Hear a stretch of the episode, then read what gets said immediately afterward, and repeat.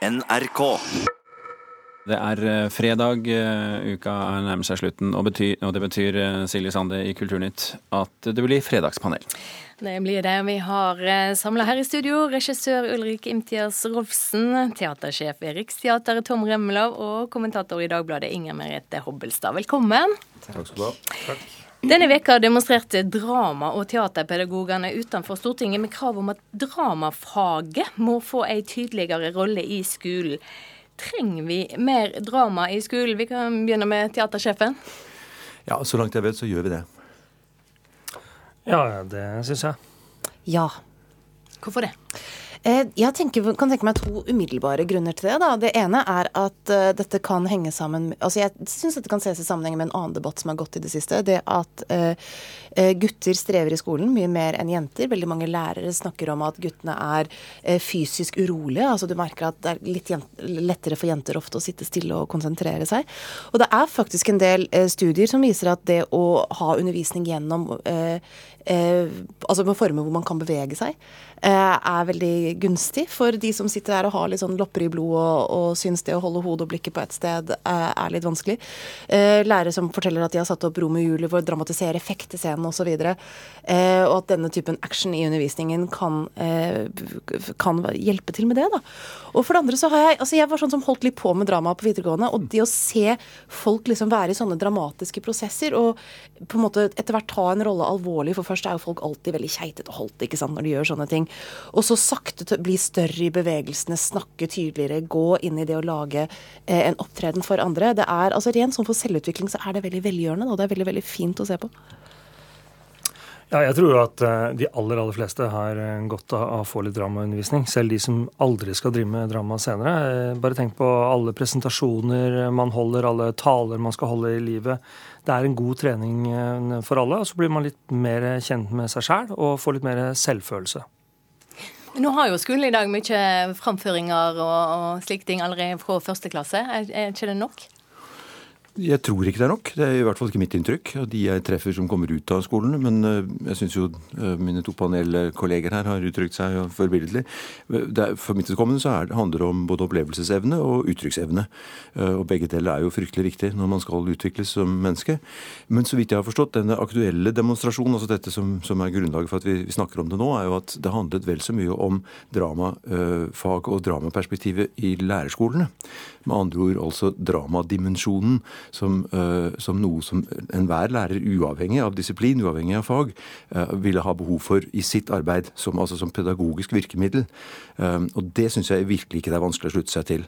Når vi skal snakke om drama som fag for elevene, så havner vi jo fort oppi prioritering og hva det er som er viktigst. Og jeg må nok si at mitt inntrykk av skolen er at den er fullstappa allerede.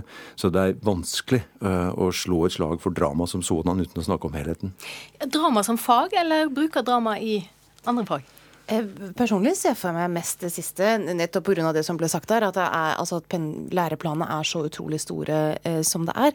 Men jeg hadde lyst til å si, bygge litt videre på det eh, Ulrik sa, og jeg er også helt enig i det. altså Det med at det å kunne fremføre noe, ikke sant? det å være utadvendt, er en stor fordel å ha et fortrolig forhold til det. Da, ha et naturlig forhold til det når man skal inn i arbeidslivet, når man skal holde på med studier. Altså Det at man ikke blir satt ut av å måtte stå foran en større gruppe mennesker eh, og fremføre noe. Og jeg tenker da at de Eh, at drama kan være vel så godt som de veldig mange presentasjonene som finnes i skolen i dag.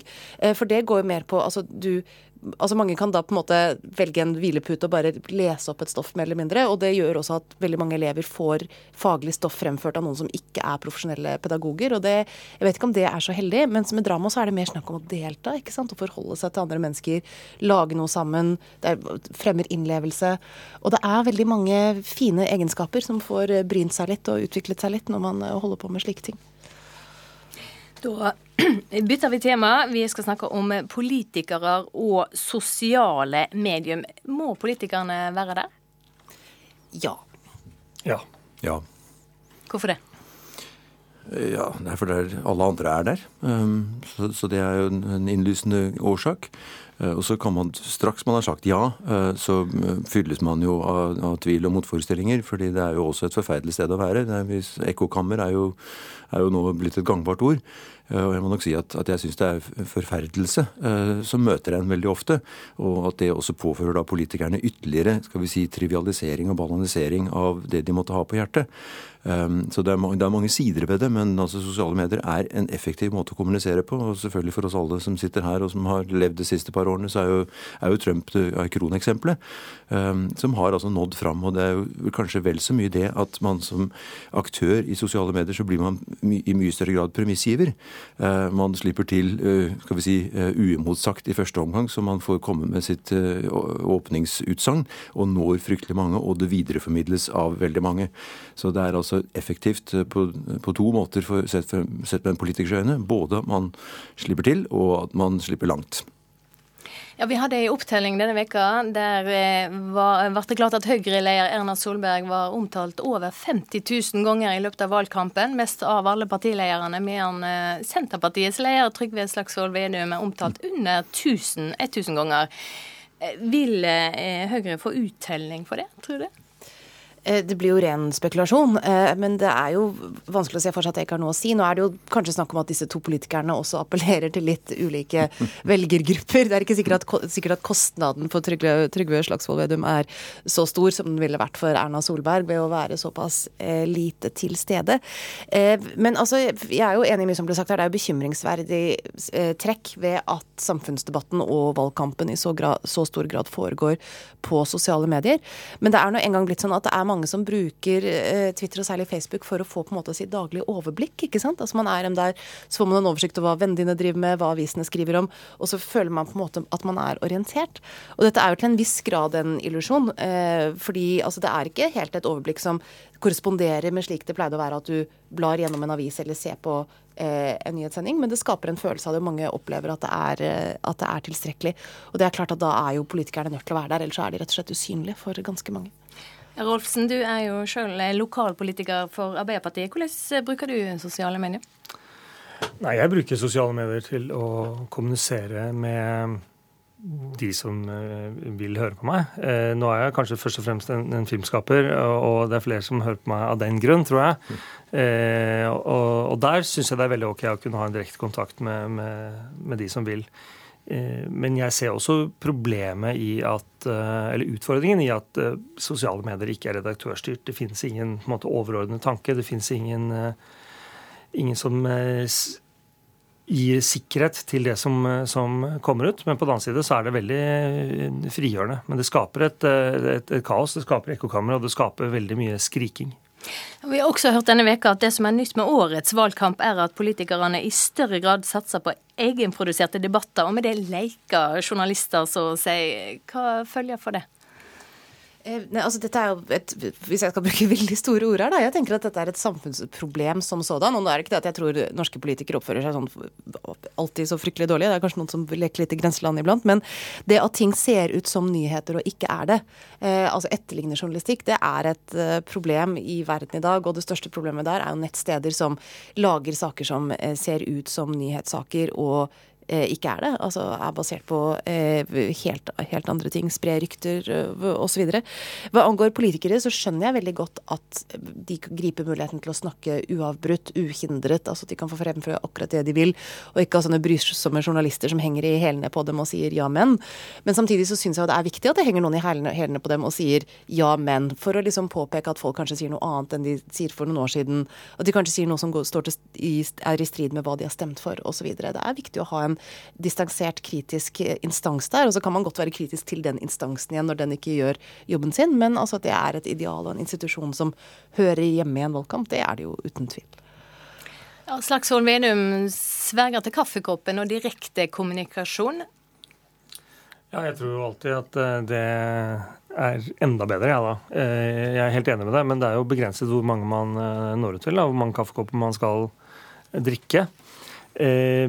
Jeg tror at eh, sosiale medier er eh, utrolig viktig for, eh, for, folk å kunne kommunisere utover. Men det er når algoritmene slår inn og man ikke får den hele sannheten, som Inger Merete nevner, det, det er veldig farlig. For, folk har illusjonen at nå har jeg sett verden, men du har bare et bitte lite vindu. For, teater, for teatermennesket så er jo Slagsvold, eh, Slagsvold Vedums eh, holdning selvfølgelig den helt rette. Eh, altså Det levende møtet er tross alt det beste. Men man skal jo selvfølgelig være oppmerksom på når man har skapt et levende møte, så skaper det også ringvirkninger på sosiale medier. Så Nå vet ikke jeg hvordan denne tellingen har foregått, men jeg kan umulig tenke meg at ikke herr Vedum er mye omtalt, selv om han ikke selv er aktiv.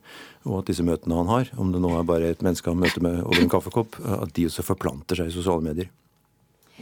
Vi hopper videre. Denne veka hørte vi om en reklame med følgende tekst. Hei, studenter. Null i studielån. Date and sugar daddy. Reklamebildet viser ei kvinne som ser det ut som er i ferd med å ta av seg bh-en. Det er også reklame for en nettside som kobler unge, pene kvinnelige studenter med eldre, pengesterke menn. Og mange har lett seg provosere, men la oss snu litt på det. Lar vi oss provosere for lett? Nei, jeg syns jo ikke egentlig det. Nei. Ja. Eh, altså, ja, ikke i den forstand. Altså, når jeg har sagt at det er åpenbart en reklame for prostitusjon, og som sådan er det jo ikke altså, det Prostitusjon som leker at den er noe annet. Eh, og, og, som sådan er det jo grunn til å reagere. Jeg ser at reklamen har fått reaksjoner pga. at den liksom fremstiller stereotype bilder av kvinner. Jeg var litt sånn, jeg vet ikke om det er problemet her, egentlig. Men altså, i forhold til det å være sjokkert, altså det at det finnes folk med økonomisk kapital som vil ha tilgang til erotisk kapital, og folk med erotisk kapital som vil ha tilgang til økonomisk kapital. Eh, altså, de fins. Og så lenge de fins, så fins det en markedsplass. Eh, og en potensiell markedsplass. Eh, og at det også finnes i denne settingen her. Altså, det er det jo ingen grunn i havet til å bli, eh, til å bli overrasket over. Eh, og så er det heller det at at det åpenbart er på en måte en slags rekruttering som foregår, og hva man kanskje som skal være motstemmen til det. da, Og påpeke at uh, dette er faktisk uh, Det er et annet ord som ikke brukes uh, i denne markedsføringen som kanskje er det mest presise, og at det er ikke sikkert folk er så, kommer til å være så glad for det i ettertid hvis de gir seg inn på noe sånt. Men overrasket og sjokkert er ikke det samme. Altså, Dette er ikke det minste overraskende at dette foregår i vår nåtidige kultur, og tidligere kultur for den saks skyld også, men, men det er altså bramfriheten her, frekkheten, og altså viljen til å sette til side skal vi si, enhver en hver form for anstendighet. Det er jo den som på en måte er sjokkerende, og som ikke overrasker Det er heller ikke overraskende at, at, at den også rammes av loven, så vidt jeg kan forstå. Altså, Jeg syns dette var bare stygt og, og forferdelig. Ja, Vi må ta med at Forbrukerombudet har konkludert med at reklamen bryter med likeverdet mellom kjønnene og er ulovlig. Mannen bak nettstaden sier til NRK at advokatene hans vurderer saka. Men ja, merk, han har flere advokater. det er jo snakk om voksne folk her. Eh, trenger vi å bry oss dersom det er frivillig fra begge sider? Jeg tenker at uh, Historiefortellingen her er jo det at uh, dette handler bare om å, å, komme gjennom studietida, og dette er bare fint og flott. Uh, den, den, prøver å pakke inn noe som er undertrykkende og, og ganske stygt og, og sikkert ødeleggende for veldig mange mennesker inn i noe som er spiselig, det for å lure folk, lure unge studenter. Det syns jeg er eh, forkastelig og ikke i tråd med de verdiene vi har i Norge. Hvordan ville reaksjonene vært hvis det hadde vært snudd på hodet, og det hadde vært altså en, en bilde av en nedre, nedre, del av en manns kropp hvor han var på vei til å trekke ned glidelåsen, og invitasjonen var altså til rike kvinner å forsyne seg av brunstige studenter?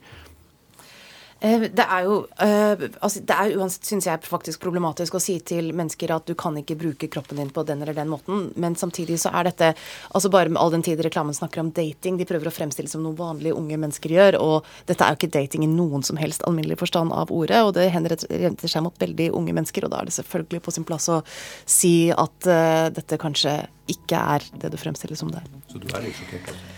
Da, eh, der må vi avslutte. Takk skal dere ha, Ulrik Imtias Rolfsen, Tom Remlov og Inger Merete Hoppelstad.